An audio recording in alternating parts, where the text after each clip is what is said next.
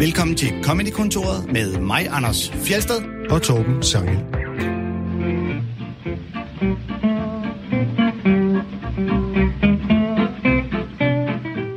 Som faste lyttere af Comedy-kontoret ved, så er vi ikke bange for at tage mere alvorlige emner op, for comedy handler også om de smertefulde ting. Og i dag skal det handle om kraft simpelthen. Vores gæst har kun én testikel, for den anden har han fået fjernet, fordi han havde testikelkræft, og det har han lavet et helt show om. Han er kendt under mellemnavnet Geo. Velkommen til dig. Tak, tak. Godt lige, at du siger et helt show. Sådan lidt et helt show. Et om det. helt show. Jesus Christ, slap af. Nå, jamen, der er andre laver kun en bid og sådan noget, ikke? Så, ja, men det, det, vil jeg, det, det er noteret. Et helt show om din halve mandighed. Ja. Ej, jeg, jeg vidste også en lunge, vil jeg lige sige. ja. Så, Har du også kun én lunge? ja, ja. Det vil jeg næsten mene var værre. ja. Det kommer vi tilbage til, det show, men øh, mange vil nok huske dig tilbage fra nullerne som den her galning, der råbte højt og lavede alle mulige øh, mærkelige ting med din krop, som nogle gange involverede publikum på scenen og sådan noget, ikke?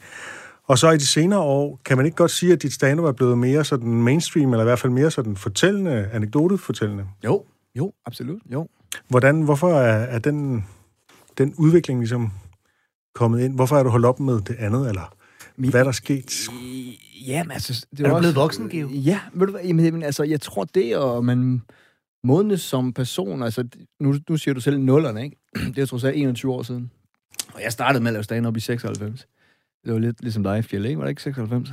95. 95. Ja. Så man har været der faktisk i gamet i mange år. Og, øh, og dengang jeg sådan fandt min stil, som folk, øh, da jeg sådan, hvad skal man sige, breakede lidt med Guatemala og, og sådan noget, ikke? Råben og skrigen. Ja, ja. Der var det jo en reaktion mod, jeg egentlig ikke synes om den etablerede form for stand-up. Altså ja, den der med, så ser min kæreste det, og så sagde jeg det, og så hihi. Øhm, og, og så det var sådan lidt modreaktion mod det. Undskyld, jeg skal lige... Ja, for jeg har jo været på DM-tur med dig, hvor ja. ja. det har været øh, flikflak på scenen, og skadestuen bagefter med brækket arm, ja, og alt det, Og- alt det jazz. Og, og det var, jeg, jeg, sådan, jeg tror, jeg kom ind i sådan en øh, underlig mani med, at jeg ville se, om jeg kunne, hvad jeg kunne få folk til at grine af. Altså, hvis, Så du prøver at udfordre Ja. til, hvor langt kunne du gå i... Ja, hvor og- absurd kunne du blive? Hvor, hvordan, hvorfor, hvis jeg kunne få folk til at grine af, at jeg sagde Guatemala, og så sad de sådan kunne se det der undrende blik i deres øje. Hvad fanden, Hvorfor har jeg lige grinet af det? Det, det var det, der sådan tændte mig, ikke? Jo. Og da jeg så blev syg i, øh, med kræft i, øh, i 11 og 12, og, og egentlig, egentlig havde indstillet øh, min karriere, altså jeg, jeg ville ikke optræde mere, fordi jeg havde ikke, fordi nu havde jeg så, så havde jeg jo så lavet den her form for stand-up i næsten 15 år, ikke? Og, og jeg var også, jeg var også blevet 36, 37, og, og ved at blive tyndhåret, og alt det der, man sådan, den der unge energi, man startede med en gang, var, var jeg ligesom ved at blive lidt træt af selv, ikke? Og folk var måske også ved at blive træt af det. Det var jo ikke forventet, at, at dengang man ikke kendte mig, og jeg kom stormende ind på scenen, og måske startede med stage dive, ikke? Og så råbte, nu er vi i gang, ikke? Det, det forventede man lige pludselig. Ja, nu kommer Geo, så falder Ja. ja. han nok ned. på- Altså, Du ved, så jeg var også ved at blive lidt træt af mig selv, ikke? Det er måske også lidt svært at variere på sådan uh, 13 år. Øh, Jamen, det var det. Og så jeg havde sådan lidt gået og leget med tanken, skulle jeg øh, blive mere personlig. Det var sådan begyndt at interessere mig, ikke? Faktisk jeg havde, kunne jeg godt have tænkt mig dengang allerede for, for 10 år siden at tale om min, min problemer med min far, ikke? som man måske har øh, hørt en podcast om. Øh, det havde jeg overvejet. Ikke? Så fik jeg kraft, blev nulstillet fuldstændig, og ville ikke på scenen mere. Tænkte, jeg bliver gymnasielærer eller øh, kaffesælger. Jamen, det er helt seriøst. Jamen, fordi jeg, det, det er en af de seneste stand-up DK-optagelser, hvor det var netop, hvor man kunne mærke, at du var fanget i hele den der, hvordan kan jeg toppe mit vanvid? Der kravler du jo op i sådan en stilagstårn Ja. og hopper flere meter ned. Ja. Ej, det var ved at gå. Det var ved I, at i gå. folk skal gribe dig. Der kom du også galt afsted, Det var ved at gå så fucking. det kan jeg også tydeligt huske. Ej, det der. ej, ej, jeg kom Hold ned. kæft, Jeg kan bare huske, at jeg kom ned backstage, så sad, så sad jeg bare sådan, fuck, fuck, fuck. Fordi jeg var, at det, jeg var centimeter fra at smadre hovedet ned i det der betongulv, ikke? Fra, fra 2-3 meters højde, ikke? jo. Tre, I hvert fald Øh, tre meter. Det var ej, ikke under loftet på Zoom. Men, men igen, ikke? Altså, øh, så derfor, for at svare på de spørgsmål, Ja. ændrer jeg stil, simpelthen fordi Ja. det der med at så blive nulstillet så meget, som jeg gjorde, og ikke have noget, jeg havde ikke noget at tabe. Altså, jeg havde, jeg havde jo tabt det hele, ikke? Så hvis det gik galt med den, hvad skal man sige, nye stil, jeg så kom med, den mere alvorlige og fortællende stil, så so what? Altså, jeg Mm. var jo færdig, ikke? Øhm, Tror du, at øh, altså, havde du så stadig lavet noget vanvidskomik, hvis du ikke havde været igennem dit nej, sygdomsforløb? nej, nej, jeg, havde, jeg ville have stoppet med stand-up. Okay. Øh, og, og så sagde jeg lidt som ultimatum, sådan, jeg kan huske, der var flere af mine kolleger, der øh, sagde, "Ej, kom nu tilbage, og sådan, jeg, jeg vil ikke, jeg gider ikke tilbage og råbe og skrige, jeg er en anden person nu.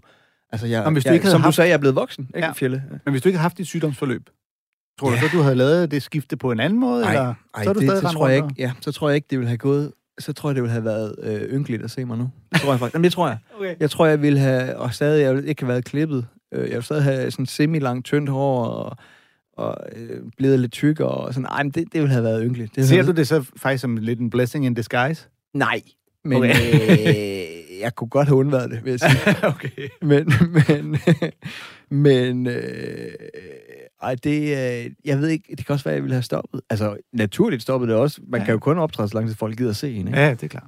Øhm, Og apropos optræde, så er du på vej med et show, der hedder Søn af en psykopat, som jo er en titel, der siger ret meget om, hvad det handler om, også i lyset af den podcast, som du talte om. Men kan du lige fortælle lidt om, hvordan, altså, er du, hvornår nåede du til at tænke, at nu kunne du tale om det med din far? Var det, da han døde, eller hvordan? Øh, det, det var faktisk også i forbindelse med min øh, kraftsygdom, hvor han, øh, jeg udgav en bog efter det, der hed Ikke for sjov, som var jo faktisk det, jeg lavede stand-up over, kaldt Kemo og Comedy, hvor jeg nærmest showmatiserede min bog, øh, som handlede om mit kræftforløb. Og, øh, og der under mit kræftforløb havde jeg jo, han havde jo polititilhold dengang, allerede dengang, og øh, han hånede mig under mit sygdomsforløb med, at jeg var syg og håbede, at jeg døde og sådan noget, ikke? Øh, og det, øh, så allerede der var det lidt startet, det nævnte, nævnte jeg i showet, og så var han jo faktisk til showet, uden at vidste det og flippede ud, da jeg nævnte det. Og blev hævet ud, og, og politiet og Hold da ja, kæft, mand. slåskamp i forhallen. Og, jamen, det var helt vildt. Så, så allerede dengang var jeg ved at komme ind på det, ikke? Og kom, så Thomas Skov og jeg, vi lavede et show, der hed Hvad så nu? For tre år siden. Og øh, hvor Thomas Skov også, han spiller min psykolog i showet, og han kommer ind under showet. Han siger, han siger sådan noget, ved du, er du sikker på, at din far er død? Og så du ham? Jeg siger, nej, nej. Var du med til begravelsen? Nej. Det kan da være, han sidder her nu. Så Åh. Og så senere i showet er der lige pludselig en, der råber, det som min far råbte, Julia, jeg er så træt af dig, din infame idiot. Og så lige pludselig er der en, der råber det i publikum. Og så er det så Thomas Skov, der har gået bagom og, og lige skulle se, hvordan I reagerede og sådan noget, ikke? Som, som en psykolog, ikke? øh, så det har været Ja, øh, prikket til nogle gange, ikke? Mm. Og, øh, og nu er det så, som du vil sige, Sangil, et helt show om det. Er et helt show om det. Og hvis din øh, afdøde far ikke får det show øh, afbrudt eller udskudt, så kan det være, der kommer en pandemi og skyder det, Ja, ja. skyder det lidt ud. jeg har stor respekt for formatet et show, det synes jeg er meget. Nej, nu sagde du jo et helt show. Et helt show. Helt sjovt, men det er okay. Øh, vi skal høre et favoritklip, du har taget med. Øh, det første, som er, om ikke det sjoveste nogensinde, så øh, hvis nok det klip, som du siger, du har hørt flest gange, er det rigtigt? Ja, øh, Et meget mærkeligt klip med Andrew Dice Clay. Ja, altså jeg har jo altid været øh, draget af det farlige stand-up, hvis man kan kalde det, ikke? Altså, hvor der blev taget chancer.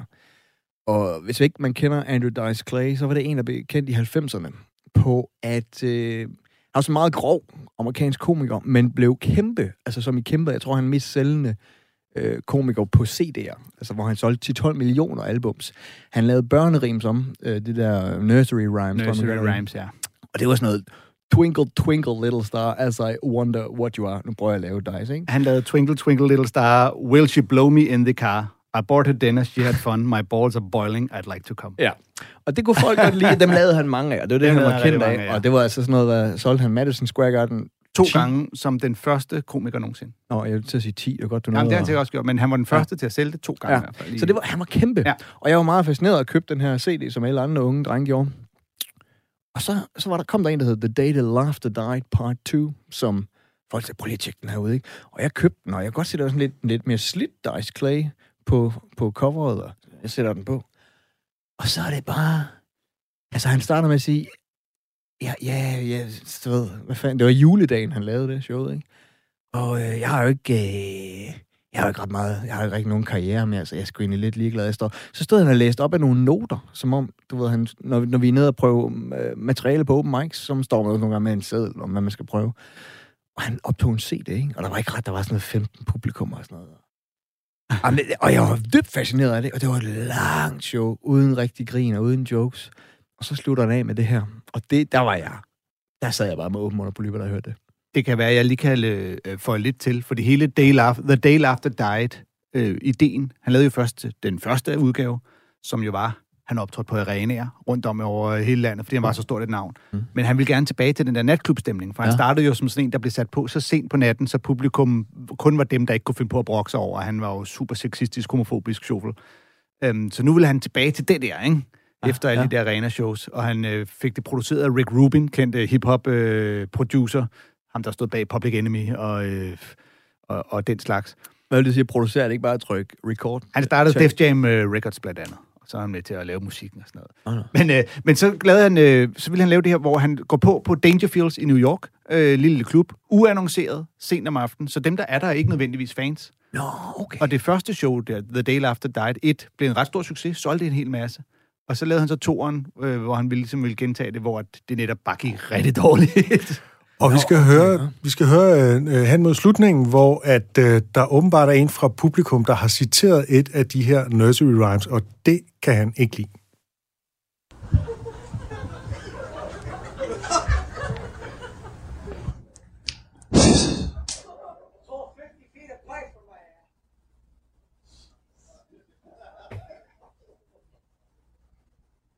You know, kill him for me.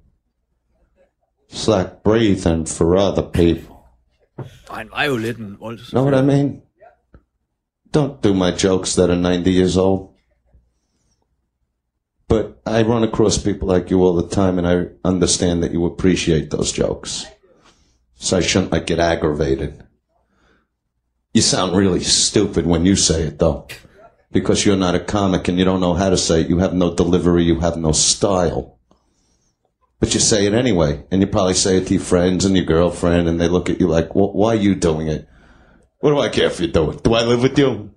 Do I gotta look at your stupid face every day? Do I gotta listen to you do the magician bit? She does. Why are you bullshitting me? The fuck are you bullshitting me for?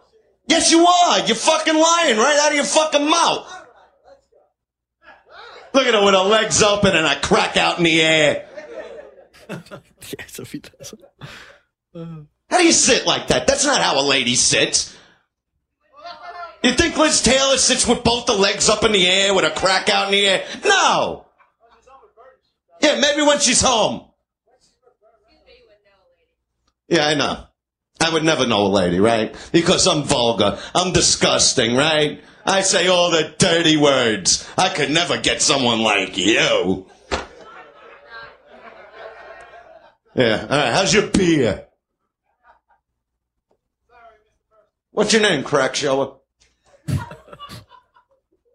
No, come on, what's your name? Oh, you motherfucker! You fucking prick cocksucker. You don't even get the fuck the chick you brought in here. That's how fucking stupid you are. Cause you got a dick the size of a fucking thumbtack. That's what I think and that's what I think of you. I think you like taking it up the ass. I think you like blowing little boys. That's what I think about you. You're a prick. I like to fucking suck out your eyeballs and skull fuck you. That's what I think, okay? Where's your big comeback now, huh? Tough guy. Wanna be down, push your fucking face through the fucking piano. Y'all make you one of the fucking keys, you motherfucker. I'm not really bothered. She's not your mommy. You're talking to me now, alright? You ain't talking to her. You're talking to fucking me. How do you like that? Tough guy. You're just pissed off that your chick digs me. That's your problem. Uh, you know she digs me. She digs the look, the build, the style. She knows how I bang her. Did you fucking eat it? You're fucking tragedy. You're fucking tra-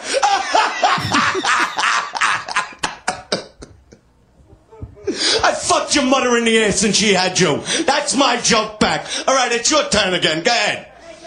Go, go fuck yourself, you cocksuckers. That, that's very smart to say that I actually did fuck your mother. See, that's not a night. Now you're cursing out your own fucking mother. Well, I couldn't be good because she blew me four times. I had no cum left in my balls. I couldn't get a good hard on to fuck her in the ass. Oh, you want to be a tough guy? You want to fight me?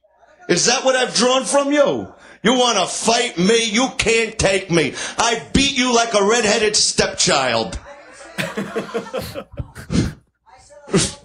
what do you mean? I'll let you explain yourself. Are you really? What trick can you do if I brought you up here right now? You see, I let you off the hook. Mr. the man that admits that I fucked his mother in the ass. I fucked your mother in the ass, cunt, and mouth. How do you like that? And it flowed out of her ears. And then I dipped the head in my asshole, and I got pictures to prove it. I made your grandfather fuck your sister in the fucking asshole while he licked your mother's asshole while she was taking a shit on your father. That's what I did. And your grandmother licked it off his belly and baked it and basted it and then served it to the whole fucking family.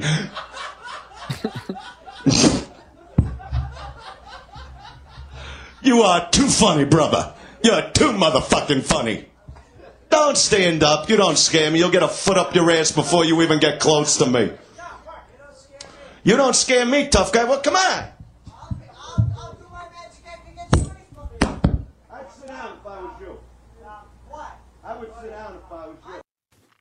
Til nye lyttere må vi hellere sige, at uh, du lytter til Comedy-kontoret, og det her, det var et klip med en komiker, der får noget, der lyder som en form for uh, raserisammenbrud, eller sådan noget. Det, er, ja, det er afslutningen på albumet, det her. Ja, det, det slutter der. Det slutter der, faktisk. man Og ja. ifølge i hvert fald nogle rygter, så ender det med et slagsmål. Altså, Ja. de kommer op og slås Ja. øh, til sidst. Ja. Der er også nogle rygter, der siger, at det var staged. Altså, at han var plantet ham hækleren der.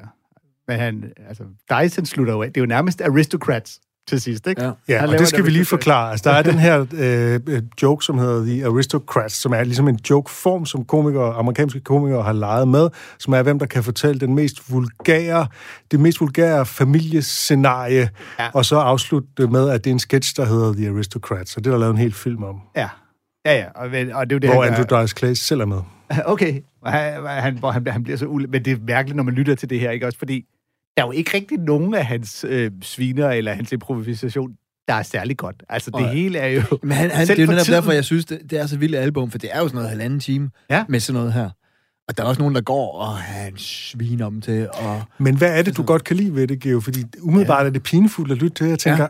ah, han, han, han er slet ikke ovenpå. Han er faktisk øh, han er alt for, han er alt for nærtagende nu, og han, han overreagerer, og det, Jeg jo han aldrig- gør alle de ting, man Ja, ikke skal ja. gøre som komiker, ikke? Jeg har jo aldrig været så meget til det polerede, øh, og, og det her, det må man sige, er det mindst polerede. Og jeg True. synes, det, er- det er fedt at, at se sådan noget blive udgivet. Altså hver gang vi, vi komikere udgiver noget, så er det afprøvet, og det er afprøvet, det er afprøvet. Det sidste show, og det hele sidder i skabet, og man klipper til, åh, oh, den virker ikke så godt, den klipper vi ud. Det her, det er bare, altså det er råbåndet, ikke? Der er Ja. sat på af en dårlig aften. Og, han, og, og det blev en dobbelt CD, og det var jo egentlig, han blev jo frarådet det, og de sagde, det, det, det, bliver, det kommer til at udlægge din karriere, det her, det er alt for langt, det er ikke godt. Og han sagde, ja, der er aldrig nogen, der før har udgivet et dobbelt CD stand-up show. Det vil jeg være den første, der gør. Og så valgte han at gøre det med noget, der var et elendigt show. Uh, det, Ja, ja Øh. men så det var, det, det var, det er lidt drevet af det der, hvor, hvor det, ja, kan gå galt og går galt, og folk tager chancer og sådan noget. Det, jeg synes, den øh, rummer alt her, og så slutter af med et, et slagsmål. Det er fantastisk. ja, jeg, jeg kan ikke helt finde ud af, om jeg kan se nogle paralleller mellem dig og ham i den der lyst til at sætte alt på spil. Altså det der med at netop at nærmest søge risikoen for, lortet går ned nu. Altså, det, alle ved fra start, det der, det var en dårlig idé, han gav sig i gang med det, ikke? Og det kunne de fleste også have fortalt dig, når du kravlede op i et, i et uh, tv-tårn tre meter over og tænkte, nu hopper jeg sgu ned på publikum. Men, men det, det kan jo godt være, ligesom du, dig, han siger, vil udgive et dobbeltalbum, det er der aldrig nogen, der har gjort, for han tænker, det er en skide god idé. Jeg tænkte også, det var en skide god idé at kravle Mm. op. Øh, Og jeg havde, jeg- da jeg kravlede op i det her tv-tårn, der tænkte jeg, det ender med, at jeg bliver båret rundt. Det, det var fordi, jeg sagde, hey, prøv lige at sætte den der Pearl Jam uh, Alive på, ikke? hvor han Ja. bliver båret crowdsurfer. Det var sådan, jeg tænkte, det skulle ende. Jeg tænkte, det her det er fede tv-billeder. Og så ender jeg med at, at slå mig selv ihjel, ikke? så jeg havde ikke gennemskuddet det, og det tror jeg ikke dig så. Nej. Som din yndlingskomiker, der har du valgt en one-liner-komiker, nemlig Mitch Hedberg, som øh, mange måske kender. Jeg ved, du også er glad for en anden one-liner-komiker, nemlig Stephen Wright. Øh, hvad er det, der tiltaler dig ved den her one-liner-komik? Det er jo noget ganske andet, end det, vi lige har hørt, må man sige. Ja.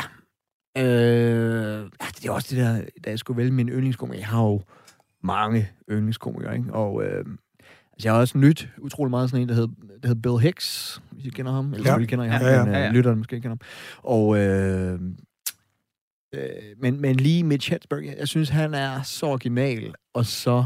Og det er også godt klip om, det er, at han er real.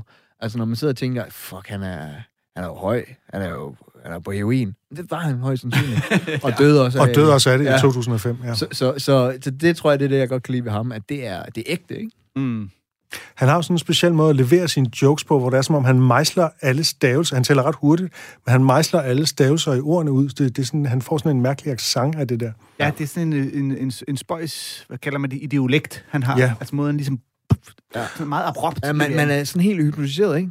Jeg vil, jeg vil gerne jeg. sige, inden vi spiller klippet, som øh, vi har taget fra Mitch All Together-albummet, han nåede lige at udgive to-tre albums, Mm. øh, man skal lægge mærke til efter omkring 40 sekunder, når han begynder at snakke om, øh, om øh, øh, soveværelser i huset og sengestørrelser. Det tempo, han pludselig sætter op i der. Kæft, det går stærkt. Altså, det er helt sindssygt, hvor god han er. Og af samme grund, så skal man øh, som lytter nu spidse ører, fordi det går stærkt, og det kan være lidt svært at følge med. Hey, check this joke out. If you want to talk to me after the show, I'll be fucking surprised. I'm gonna have to have some uh, liner notes for that joke. Like, during that joke, he points to the back. So people get the full experience. I'm gonna do a bunch of jokes that require actual seeing me, and the CD will piss people off. hey, what do you think of that shirt? Where the fuck, man?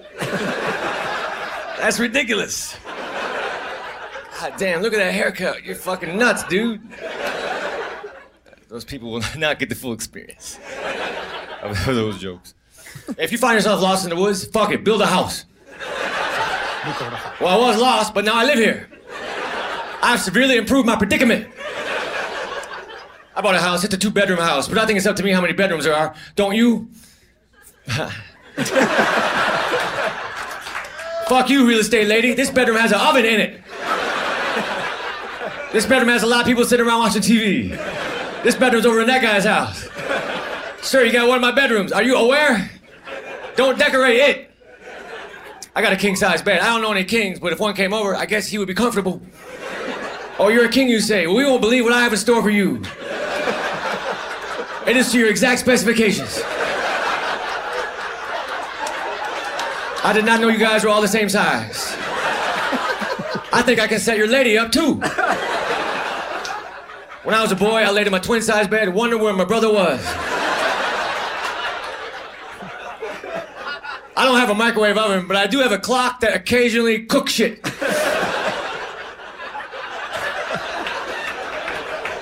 I want to get a job naming kitchen appliances. That seems easy, you know? Refrigerator, toaster, blender. You just say what the thing does, then you add er. kitchen appliance naming institute. What does this thing do? It keeps shit fresh. Well, that's a fresher. I'm going on break.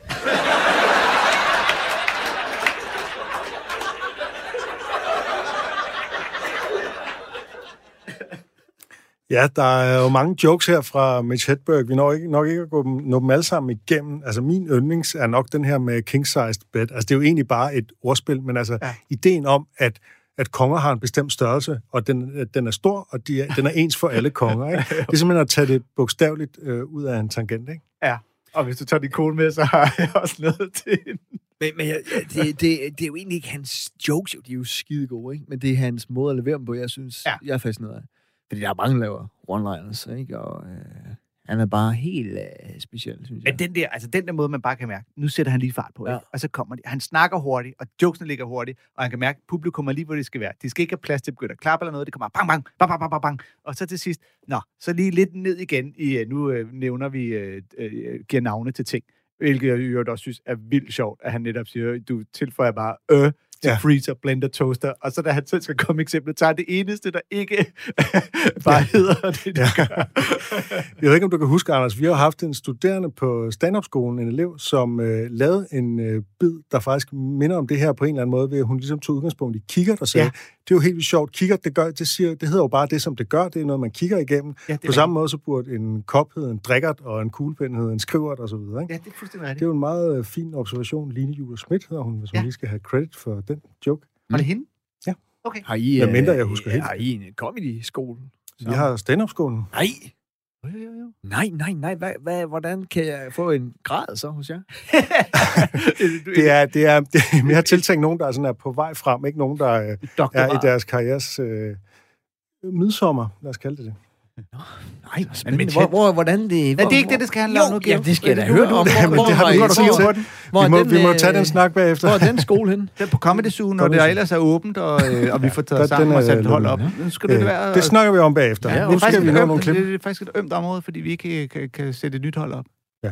Så lad Det er da bare et luksusproblem. Det, det, det må jeg høre meget mere om. Det Ja. Ja, det bliver det næste program. Det må du. Ja, Comedy Men, School øh, kontoret. Ja, men lige nu... Øh, Men Mitch Hedberg, Steven Wright på speed, vil jeg egentlig kalde ham, hvis Ja. ikke det var fordi, at speed nok er et af de få Har, har I... man ikke tager. Det, det, må, det ved I måske. Har I tjekket på Steven Wright? Hvad er han, er han stadig aktiv, eller ja, det er han, øh, men, men altså, han udgiver jo ikke så meget. Han har jo primært udgivet de her to albums, I Have a Pony og I Still Have a Pony, med 20, nogle af 20 års mellemrum. Ja. Men han optræder rent faktisk i New York. Altså, Men øh, er det ikke med de jokes? Altså, for jeg ved, det der album, uh, I Have a Pony, da han udgav det, der havde han lavet de jokes i jo, 30 år. Men sagen er, han kan jo ikke... Altså, jeg tror nok, at når han har udgivet dem, så kan han ikke lave dem mere, fordi de ligger også på nettet alle mulige steder, altså også i skriftlig form og sådan noget. Ja. Fordi de er så... De Ja, er så nemme at skrive ned, altså, fordi Men- de ikke er så afhængige af hans levering. Han var den første uh, one-line-komiker, jeg sådan Ja. stødt på. Han var også den, Mm. der rendyrkede formen om Ja. nogen, ikke? Jamen, det var smukt. Mitch. Hedberg kan lige øh, som en lille spøjs kuriositet øh, til, for han døde jo den øh, 30. i 3. 2005, men det blev offentliggjort dagen efter, hvorfor at mange troede, det var en aprilsnar. Nå. Uh, fun fact. Eller Han hvad? havde vist lige underskrevet en kæmpe million kontrakt med bladselskabet, For øh, da han krassede af. Nej, det er sørgeligt. Du lytter til Comedykontoret med Torben Sangel og Anders Fjeldsted. Vores gæst er komikeren Geo, og nu skal vi til vores tema, som er kraft. Og vi skal høre et klip med dig, Geo, fra det her show, som vi allerede har talt om, Kemo og Comedy fra 2014. Vi skal høre om et mellemværende, du har med din egen urin, mens du er indlagt i kemobehandling. Det synes- Men under, under mit kemoforløb, så skal man hele tiden, øh, man skal hele tiden tisse. Øh, man bliver for 6 øh, liter vand skudt ind om dagen for at skåne ens organer. Og, øh, og så skal man hele tiden måle sin tis, for at se, om man tisser nok, ellers så må man ikke få mere kemo. Og øh, der var en, på et tidspunkt, der faldt jeg i søvn, og så vågnede jeg op, og så tissede jeg 1000 milliliter. Og der skete ikke meget i mit liv på det tidspunkt, så jeg var så begejstret, at, at det, ville, det ville jeg da vise min øh, sygeplejerske, ikke? Så jeg går ind og ringer efter hende, men ringer så begejstret, at jeg udløser nødalarmen, ikke? Så er det med, at det kommer løbende. Hvad sker der? Hvad sker der? Jeg har tisset 1000 milliliter. Har du, har du den udløst nødalarmen? Fordi du, har du har tisset 1000 milliliter. Og jeg, jeg troede sådan, det var størrelsen, det var mængden, det var galt med, fordi... Så jeg sagde, jeg kan godt tisse 1200, kom tilbage! Men det, der var en, der var død på vores gang den dag, så der var lidt kaos, ikke? Men det vidste jeg jo ikke. Så næste dag, da jeg tisser 700 ml ude på toilettet, som også er flot, synes jeg. Øh, så kommer jeg sådan, så, jeg var så svag, så jeg kom til at vælte tisse ud over gulvet, og falder ned i mit eget pis, og ligger sådan og, og tænker, ej, jeg kan ikke, og jeg kunne ikke, holde, jeg kunne ikke rejse mig. Så kigger jeg på den røde snor, man kan ringe efter hende med det. Og, men jeg tog ikke ringe ind, fordi hun skal ind, hun skal ind i sådan en lille lem her. Så det, det lavede de dengang, der kun var dværgesygeplejersker på riget. Og, og jeg, var så, jeg var så bange for hendes vrede, fordi jeg kunne lige se, at hun kom kravlende ind sådan.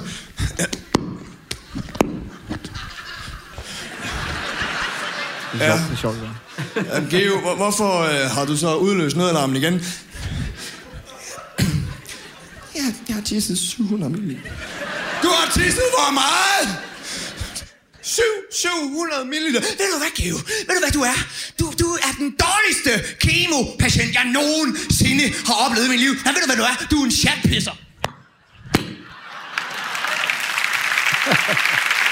Og det, der sker her til sidst, skal jeg måske lige sige, det er, at du viser, at sygeplejersken der går ind i den der meget lave dør, hun er kommet ind af, som jeg ikke Ja. ved, hvad er for noget. Hvad Ja, er det, der er jo sådan en nødlem på toiletterne på hospitaler, som er sådan en lille kvadrat, som man så kan åbne og kravle ind, hvis nu der er en patient, der er besvimet eller sådan noget. Ikke? Okay, det vidste jeg Og, faktisk ikke. øh, og så, så i, hvad skal man sige, øh, bitten, der løber hun i vrede ud af døren, men har glemt at åbne døren, så hun støder hovedet mod. Og faktisk lige der, da jeg gør det der, jeg lavede to shows den dag, da vi optog det, og der, jeg ødelægger, det er derfor, alle de gange, jeg havde, alle de gange, jeg havde prøvet showet en gang før det her, ikke? Der, der giver mikrofonen, det er jo selve punchline, fordi hvis du tager sådan en, en klassisk Shure, Shure 58 mikrofon, ikke? og slår ind i hovedet, så siger det dum! Men her, jeg øde, det er derfor, lyden ikke er ret høj, fordi jeg simpelthen slår mikrofonen så hårdt imod hovedet, at den dør. Og, øh, så Altså, hvis- går i stykker, eller hvad? Ja, så hvis man ser showet, så står jeg lige pludselig med en øh, ny mikrofon, sådan en, øh, sådan en øh, hvad hedder det, øh, trådløs, ikke? I stedet Ja. ja. for en... Øh, Og det er et helt show. Et, det var et helt show. Du stod sådan der. Men du slog ikke hul i... Ja, for jeg har nogle gange det der med... Det er det klassisk komikertræk, det der med at slå mikrofonen mod hovedet. Ja. Og jeg har nogle gange set komikere, hvor de så har blødt lidt, fordi ja. Ja. så er de både for højt og slået hul på deres egen Ja, det, og det er faktisk det er utrolig mange, der gør det der. ikke? Ja, det er så dumt. Fordi nu skal den have helt arm. Så men ellers så tænker man jo tit, at de der mikrofoner, de er enormt holdbare, altså fordi folk, altså, komikere laver alt muligt med dem, men der er altså en grænse for, hvad man kan lave, og den har du Den har jeg også. selvfølgelig været den, der er overtrådt. Det er jo et, øh, et gammelt øh, comedy-kliché, det der med øh, tragedie plus tid er lige comedy. Og, øh, og det kan man jo så sige, der er jo lidt er kommet ud af, af, af den tragedie, du har været ude for. Hvor lang tid gik der egentlig, før du fandt ud af, der skulle, øh, der skulle komik i det her? Altså, var, mens du lå derinde, lå du så og tænkte, 1000 milliliter, hold kæft for det her. Det, det, det er en bid, du. Det bliver til en bid en dag. Øh, ja, jamen, det skete faktisk ved et tilfælde, fordi jeg øh, blev opfordret til at, at skrive dagbog. Ja. Øh, det gør man meget. Det er meget terapeutisk, når man sådan er at komme på den anden side, eller godt på den anden side, så går man igennem og så, gud, ja, det skete, og sådan noget. Ikke? Så, det, så, når jeg lå derinde og, og var faldet om i mit tis, så gik jeg ud, og så skrev jeg det ned, ikke? Den her dag gik, faldt jeg om, ikke? Og da du så skrev det, da du så skrev dagbogen, så havde du så ligesom og skrev det, fordi du- du er jo øh, netop komiker gennem rigtig mange år, og så havde du automatisk tænkte komik i det, når Nej. du skrev det ned. Nej, det gjorde jeg ikke. Overhovedet ikke. Og, og, og, og det var også fordi, før Kemo Comedy, og før Hvad så nu showet, og nu det her Søndag Psykopat show, jeg laver, havde jeg aldrig været personlig i mit comedy. Det havde kun været øh, råbende skrigen og Guatemala og flikfak og, nogle idioter. ja, og brækket arme, ikke? Ja. Øh, og, og, kunne ikke tænke mig at være personlig. Øh, så det var, det var slet ikke noget, jeg overvejede, at der skulle være comedy i det. Okay. Og det, jeg tror, det var Frank Vam og Jonas Spang, der sagde, gå nu på scenen, for fanden. Og det var dem, der sådan prikkede til mig. Jeg var også inde og se jer lave Comedy Aid, det der velgørenhedsshow, der er, hver år, eller var en gang. Ja. Ja. Og I sagde, hey, vil du på scenen? Og jeg, nej, nej, jeg- jeg stod der med min duen, duen hår, ikke? Ja. Og jeg sagde, nej, nej, jeg kunne slet ikke tænke mig det. Og sådan noget. Og, øh, men så, så sagde jeg til, til Jonathan, jeg sagde, "Ved du hvad, jeg, jeg, kan, jeg kan jo ikke, jeg har ikke lyst til at gå op og råbe og skrige og vælte rundt og svede og sige, nej, det vil også være ynkeligt. Du skal da ikke op og snakke om, om din sygdom. Og sådan noget. Okay, og så, så gik jeg op og talte sådan fem minutter om det, ikke? Og råber og skriger og falder på røven. ja. Men det er jo sjovt, den her barnlige øh, ting med at vise sit, stolt vise sit tis frem, ikke? Altså, det er jo sådan, en, det er jo sådan noget, som, som små børn ja. Ja. gør, når de lige har lært at sidde på potten, eller sådan noget. Ja, jamen, det var, og jeg havde faktisk taget tisset med ind til mit bord, altså min seng, og sad der stolt og ventede på, at det skulle komme, og, og, og jeg får, grund til at udløse nødlarm, det er, fordi når du trækker nok gange i tråden, ikke?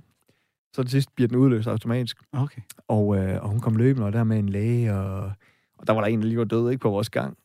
Så, så de var i gang med øh, oplevningen, og mig, der sidder der med mine 1000 mil. Jeg synes, at det var, og det er jo bare, altså det er jo bare, når man så tænker over det, og man er, efter man er blevet rask, og sådan, så det er jo et grotesk scenarie, ikke? Ja. Mm, mm. Ja, det.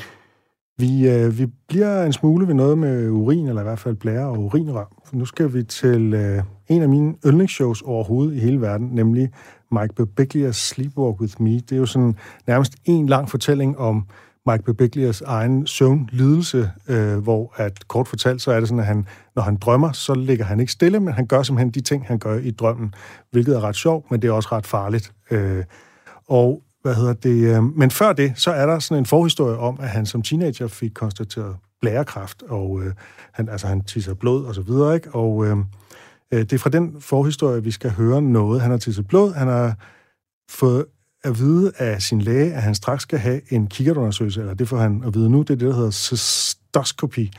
Det betyder altså kikkertundersøgelse, og youth, uthera betyder urinrøret. He goes, Listen, Mike, you got to come in tomorrow morning for what's called a cystoscopy. And doctors always dress this stuff up. He goes, It's no big deal. You come in, they put an IV in, you fall asleep, you wake up, you eat a muffin, you go home. All right, yeah, that sounds pretty good. Still a little shaken up from that table thing, but uh, just out of curiosity, like, what is a cystoscopy? And he picks up this rod that's about four feet long, and he says, There's a camera on the end of this, and we stick it through your urethra to look into your bladder. And I said, I feel like you glossed over a few details. In the initial description, I feel like there was too much emphasis on the muffin. and not enough emphasis on the fishing rod. You're sticking into my number three body part on E's top 100 sexiest body parts.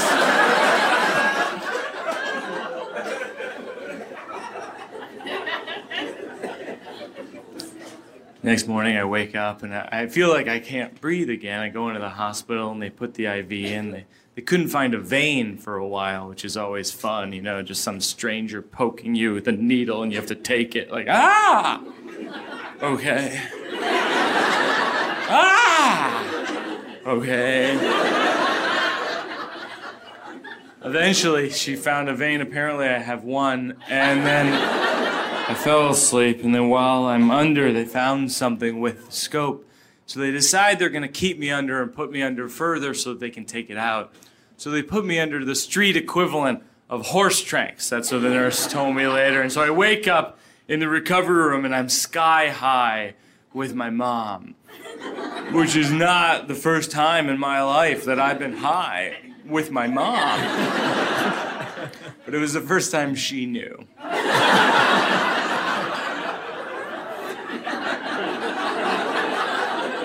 I don't react to drugs very well. I'm like the guy if you're ever smoking pot in a group who's like, "Do you guys hate me?" Who's at the door? Who's at the door? Who's at the door? Why is my heart hurt? Is that rickets? You know, I'm not I'm not proud of that. That's just what I am. And my voice gets very loud. And so I wake up in the recovery room. It's mostly elderly people, but in my mind, it's like a dance club. I was like, this place is awesome. We should come here all the time. I don't know why we didn't come sooner. Dad's always here. Because he's a doctor, you know, and my mother is mortified. She's like, and I was like, do you hate me?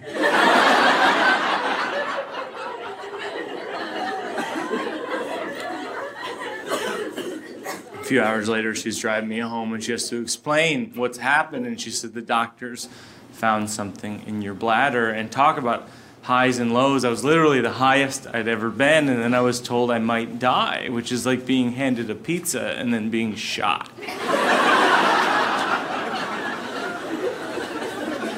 So I start crying, and because I'm crying, my mother's crying, because crying is a little bit like throwing up. It's a chain reaction. And we get home, and all you can do in these situations is wait. We had to wait a week for the biopsy to come back on the item they'd taken out with the scope. So for a week in my life, I thought I might die, which is an incredible experience if you ever have the chance, because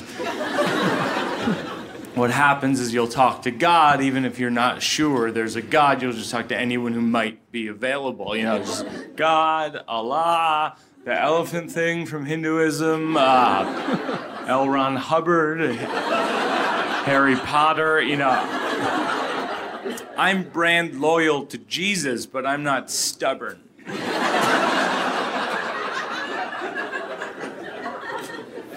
But when you think you're gonna die, you try anything. You go to start going to church a few times a week. You're like, load up the station wagon. We're going to pray for me again. And uh, a week goes by, and the biopsy came back, and it turned out I was very fortunate. They had taken out a malignant tumor from my bladder, but they had caught it early enough so they didn't have to take any further action. Except every six months, as a precaution, they said I had to come back for the fishing rod.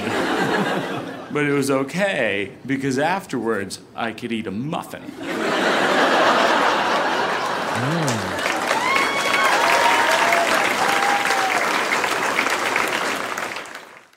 Kan du øh, genkende noget af det her, Geo? Ja, det, det hele. Og, øhm, Fik du også en muffin? ja. men, men jeg kom lige til at tænke på det under det her, fordi jeg kan også huske, nu spurgte du, Fjelse, hvornår det gik op for mig, at jeg skulle lave comedy om det. Og jeg, og jeg tænkte også, man, måtte man godt lave comedy om, fordi jeg overlevede jo, ikke? Mhm. Øh, hvad så dem, der ikke overlevede? Altså, vi vi lige blive fornærmet over, at jeg lavede comedy om, om kraft, ikke? Lige Øh. præcis, de er nok ligeglade. Det er måske snart deres pårørende. ja, okay, jo. Men, øh, men så var det faktisk, jeg hørte øh, Louis C.K. på hans hjemmeside, der lagde han øh, en, et album ud. Du laver den perfekte overgang til næste klip, men lad os lige... Øh, Okay, Det kommer men, om- men det, det kan jeg kommer huske, om lidt. det var inde Ja. at købe. Øh, jeg kan ikke huske, hvad hun hedder. Det kommer Og, øh, og, det, og så vidt jeg husker, jeg kan huske, jeg hørte det, og jeg tudbrølet, ikke? Det var lige, jeg var lige kommet, eller var stadig i kemo, et eller andet, ikke? Det var sådan lige efter, ikke? Og, øh, og det var vildt, og hun, skulle, hun havde vist fået konstateret kræft og går på scenen med en masse tanker, så vidt jeg kan huske. Og det var, det var jeg tænkte, okay, det, det er selvfølgelig, hvorfor skulle man ikke kunne det? Altså ens egen historie. Øh, det var faktisk det, der sådan, jeg havde begravet uh, in the back of my mind, ikke? fantastisk. Men øh, tak, Geo. Ja? Men, men lad, os lige, øh, lad os lige blive øh, et par minutter mere ved Michael Bigley. Altså, jeg synes, han er en Ej, vi fantastisk... misser den glimrende mulighed for at gå direkte videre. Ja, fordi nu vil jeg gerne sige noget. Okay, så godt. Øh, altså, det er bare fordi, det her er et af mine yndlingsshows overhovedet. Jeg synes, han er en genial historiefortæller, altså hele vejen igennem. Ikke? Det her er jo bare en lille del af det. Øh, altså, den der måde, han kan fortælle, han ligesom kan lade smerten skinne igennem, som jo også er noget af det, du arbejder med, ikke? Og lade smerten skinne igennem, samtidig med, at det er sjovt. Altså, finde den der... Og hvor at, der er jo mange, der tænker, at hvis, hvis noget er sjovt, så, så bagatelliserer man det, men det behøver man jo ikke at gøre. Altså, det, kan, det, det handler om liv og død, men det kan faktisk godt, man kan godt lave en fortælling, som er sjov, samtidig med, at det er klart for enhver, at det her handler om liv og død, og det har været enormt smertefuldt, og man har været bange og alt altså noget. Mm. Ikke? Jeg synes, han er skidegod til at holde den der balance. Ikke? ja, men han, han, Helt jeg har jeg kendt ham. Og han men, øh, formulerer sig så øh, utrolig varieret. Altså, jeg synes, det er så fedt at høre på ham, fordi han, og, men han, har hele tiden, han snakker hele tiden, som om han er ved at falde i søvn. Men, øh, men Han øh, lød lidt som Mi- Mitch Hedberg, ikke? Ja, faktisk. er bare, bare langsommere. Men, men det er også, jeg tror også, det er, når du kommer igennem de der ting, som han har oplevet her, men øh, som komiker er man jo altid opmærksom på de irrationelle og de skæve og de øh, skøre ting. Og det er jo, når du netop skal have stukket et øh, kamera op i urinrøret. Altså, Mm. øh, alle komikere vil lynhurtigt opdage et eller andet, der er lidt spøjst i det her sammenhæng, ikke? Ja. F- Fuck den muffin. altså, øh, så, Ja. ja. så hvis man har øje for det, så er det jo øh, oplagt at gøre det. Og så laver han jo et- callback til sidst til, Ja, det til den her elegant, ja. muffin. Og man kunne analysere længe på det her, men øh, det, øh, det tror jeg, vi gemmer til en anden gang, eller til vores stand-up-skole. Ja. Øh, fordi der er mange, der er mange forskellige... skole han, han har mange forskellige joke-teknikker, han bruger undervejs, han bruger dem sådan meget en passant, og derfor kan man godt sådan overse, hvor mange jokes han faktisk... Han pakker sin fortælling med jokes hele tiden, men det er bare... Han laver den der, så det bare bliver netop en fortælling. Han stopper ikke ved en punchline. Og, og det er måde, sikkert, mange det, og det er sikkert ubevidst, at, at øh, jeg, jeg var nemlig, jeg lavede jo også mange foredrag, og, øh, og der var jeg øh, på sådan en international ting, hvor vi, øh, der var der en, der sådan forklarede om, hvordan man, altså det, var, det er jo en helt videnskab, det der med, og han sagde, komikere, det er nogle af de bedste fortællere, der er, men de ved det ikke. Mm. Og de ved ikke, hvorfor de gør hvad. De gør det bare, det er bare learning by doing, ikke? Det var ret... Øh, fordi man kunne se alle de andre foredragsholdere, lige sådan, åh, de sad og tog, tog noter og sådan noget, ikke? Øhm, og, han Og sagde, det er jo fordi, ja. komikerne, de, de står jo og træner sig selv med et publikum og finder ud af, og mærker, hvad der virker, hvad der ikke virker. Så det, det bliver sådan noget learning by doing, ikke? Ja. Hvor mange andre, det er sådan noget med, åh ja, hvordan holder man et godt foredrag, og så hører de et foredrag om det, eller... Og, og man kan også se på mange øh, tv-værter, øh, som enten skal spille stand-up-komikere, eller tænker, nu laver jeg en stand-up-komiker-bit. altså, man kan se bare på den måde, de holder jeg mikrofonen. aner, hvem det er, du tænker. Ja, men det, vi kan lige tage den efter, ikke? Men man kan bare se på den måde, de holder mikrofonen på, eller den måde, de står på, eller den måde, de kigger på. Det vil en komiker aldrig gøre. Det er meget Mm. fascinerende at se. Ja. Ja. Jeg elsker uh, sætningen, I'm uh, brand loyal to Jesus, but I'm Ja. not stubborn. ja, præcis. Og være varemærke lojal mod Jesus. Men at øh. Geo, hende du snakkede om, som øh, du hørte i 2012, som øh, ja. gav dig alle de her, det er Tig Notaro. Hvor meget? Tig Notaro. TIG. Aha. Notaro, som øh, ja, øh, amerikansk stand-up-komiker, som i, øh, i, i det, 2012 lavede det show, der hedder Live. Eller live. Det, det kan man jo. Ja, jeg, jeg tror, det, det er ment som Live. Men Ja. ja. jeg tror, der ligger nok noget i dobbeltheden i det. I titlen. Sådan har jeg tænkt det. Optaget på øh, Largo i, øh, i LA fire dage efter, hun fik diagnosen brystkræft. Ah, ja, ja. Det der hedder stage 2 breast cancer i, og i begge øh, bryst, og, øh, bryster. Og et par måneder inden da, der havde hun haft en øh, slem lungebetændelse. Hun havde haft sådan en øh, C. diff bakterieinfektion, der giver tarmbetændelse og hæftig diarré. Hendes mor var lige øh, død i en skrækkelig ulykke. Altså, hendes 2012 øh, har været et rigtigt 2020 år, hvis man kan sige det på den måde. I og altså, potens. Fire, øh, øh, fire dage efter diagnosen går hun på scenen på Largo. Det bliver øh, rent tilfældigt optaget af manageren dernede. Øh, og Louis C.K. går nemlig ind og siger, det der, det skal vi udgive. Lagde det op på sin hjemmeside, hvor folk så kunne købe det for 5 dollars. Ja, det gjorde jeg. The rest is history, om man så må. Solgte hun øh, rigtig meget. Ja, ja, og, kom, og vandt en Grammy for det. Nej, hvor fedt. Ej, Ja. fedt. Det var også, det var kæft, jeg tudbrød. Jeg, jeg har hørt det en gang. Kan Det er jo klart, det må have ramt dig selv, fordi jeg var også virkelig rørt over det, og det er den der, man fornemmer også, at publikum har den der dobbelthed af, at de, de sådan griner lidt usikkert, samtidig med, at de er rørt, og det bliver sådan nogle hikst, ja. der kommer op, ikke? Sådan, Og det er netop, fordi hun jo går på scenen og, øh, og ligesom har skrottet alt, hvad hun havde tænkt sig at snakke om, og går på for at påtale, hvad det er, der lige er sket for hende, og hvad hun lige har øh, øh, her erfaret. Øh, og vi skal jo faktisk køre lige fra starten af showet, ja. Ja. hvor hun lige er blevet præsenteret. og vi anbefaler det her show til som et eksempel på, at man også virkelig kan øh, bryde eller øh, udfordre grænserne for, hvad stand-up er, fordi der er ikke mange jokes i det her. Good evening. Hello. I have cancer. How are you? Hi, how are you? Is everybody having a good time? I have cancer. How are you? Ah, it's a good time. Diagnosed with cancer. Ah, Feels good. Just diagnosed with cancer.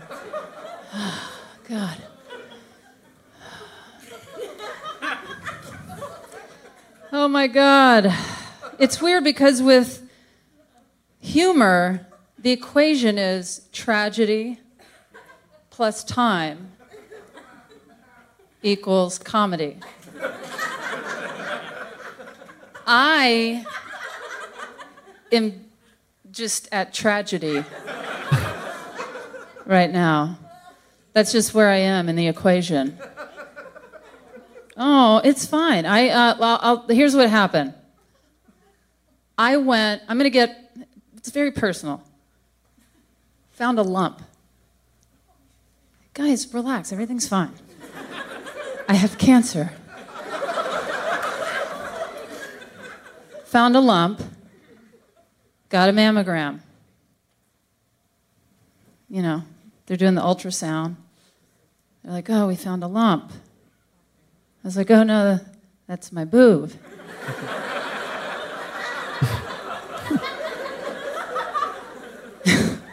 they were like, no, no, no, we, we found a lump on the other side too. I was like, yeah, I got one over there too. Those are my boobs.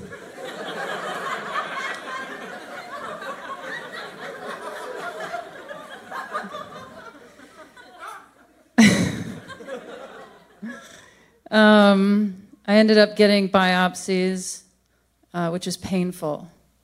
Feels like being stabbed. I felt like I'd been rear-ended all day and then just dropped off back at my house. I couldn't move or anything, um, and it was just it was so like intrusive and horrible. And I was just like, God, after all of these like ice pick stabbing feelings, I better have cancer. Somebody over here just keeps going, oh. Oh, I think she might really have cancer. Who, who's taking this really bad? Oh, it's okay. It's okay. It's gonna be okay. It might not be okay, but I'm just saying. It's okay. You're gonna be okay. I don't know what's going on with me. Sådan fortsætter det i en halv time. Det er et, øh, et ret kort show, men det er et helt show. Hun har lavet et halvt show. Og det er måske kun et halvt show. Nej, øh, Technotower, det kan man måske ikke fornemme her, men hun er faktisk jo en ret dygtig komiker, der normalt arbejder med jokes, altså helt som andre Vi har spillet komikere gør. tidligere. Ja, vi har spillet hende tidligere, Og øhm, hendes næste show, sagen er, hun fik fjernet begge bryster øh, i kølvandet på det mm. her. Og hendes næste show, der optræder hun i bar overkrop med, og hun har ikke fået sådan nogle implantater, så hun har simpelthen bare brystløs og brystvorteløs. Optræder hun bare i, øh, i ja. bar overkrop, øh, i hvert fald noget af tiden i det der næste show, som er på Netflix. Og det er jo det, man, øh, man, når man har været igennem, når man er blevet præget, så bliver man jo ligeglad. Altså, jeg, jeg blev jo også ligeglad. Og, øh, og jeg kan jo også mærke med det show, jeg er ved at, at forberede nu, øh, Søn af en psykopat, det er jo også, at det er jo en vild, at det er jo nogle vilde ting, jeg fortæller. Og jeg har lavet øh, 7-8 prøveshows nu, ikke? Og det er jo, det er jo, det er jo ret... Jeg har jo levet med al den her tragedie, og, og, og alle de her sindssyge ting, min far har udsat os for, ikke? Øh, men jeg kan da godt høre, når jeg fortæller den, folk, de, de er jo i chok, altså. Øh, men det synes jeg også er vildt at se. Altså, fordi jeg kan, jeg kan jo egentlig bedre lide hendes, end, hvad kalder du ham, du var... Mike Birbiglia. Ja, fordi man kan mærke på hende, at du ved, der er ikke pusset så meget på det. Mm. Det er bare tanker, og det gør det... øh, Han, han, du ved, den med Muffin til sidst, ikke? Det er jo, altså, den har han jo prøvet flere gange. Så, ah, okay, hvis vi lige laver callback til Muffin der, ikke? Så, og, og, og der, der, der er jeg mere til hende, øh, kan jeg mærke. Jamen, hun påpeger det jo også selv. Ikke? Han fortæller om noget, der skete, da han var et barn, og hun, hun har fået det at vide for fire dage siden. Hun siger, hun er stadigvæk ja. I ligningen, ja. Hvor det kun er tragedie. Jamen, Det er den der det- klassiske ligning med tragedie plus Ja. tid er, er Og der- kommet, ikke? Og der kommer jo, ikke fordi det ellers skal være en reference til Dice Clay, men man, hun balancerer jo der, hvor man ved, det her kan potentielt være fuldstændig mm. ødelæggende, fordi alle sidder og vipper mellem, det har været en god aften på Lago, det er sjovt, vi skal grine, Øh, men må vi grine af hende nu? Ja. Altså, kan, er det, siger hun det for sjov? Er det en del af et act? Hvad sker der? Hun siger, det passer, men, oh, men, men det lyder også alvorligt, ja. Ja. så nu gør det også lidt ondt i maven på mig. Ja, ja, ja. Og nu skælder hun mig ud, fordi at jeg øh, ynker det, øh, fordi hun hele tiden balancerer mellem ja. den der med, det er okay, det er okay. Det er også alvorligt, men det er okay. I, I må gerne grine. I skal ikke være ked af det, men det er fra, jeg dør. altså, Ja, det er fedt. Altså, Ja, det er det, jeg vildt. synes, det var så fedt. Ja. Det er jo et mirakel, at det overhovedet er blevet udgivet, ikke? fordi det var ikke meningen. Nej. Altså, hun gik bare på scenen, og så lavede hun noget den aften, og hun regnede med, at det ligesom var i det lokale. Ikke? Ja. Og det er jo der, hvor at, at stand-up, det synes jeg da til en vis grad jeg selv kan genkende, hvor at, at det jo nærmest bliver terapi. Altså, mm. Det, det med os, der bare elsker og har brug for at stå på scenen, er jo fordi nogle gange, så er det jo vores aflad. Det er der, man kan komme op. Og hvis man har oplevet noget, der er grimt nok, som hun har der, så hun har haft behov for at gå op og dele det og få det ud den vej, ikke?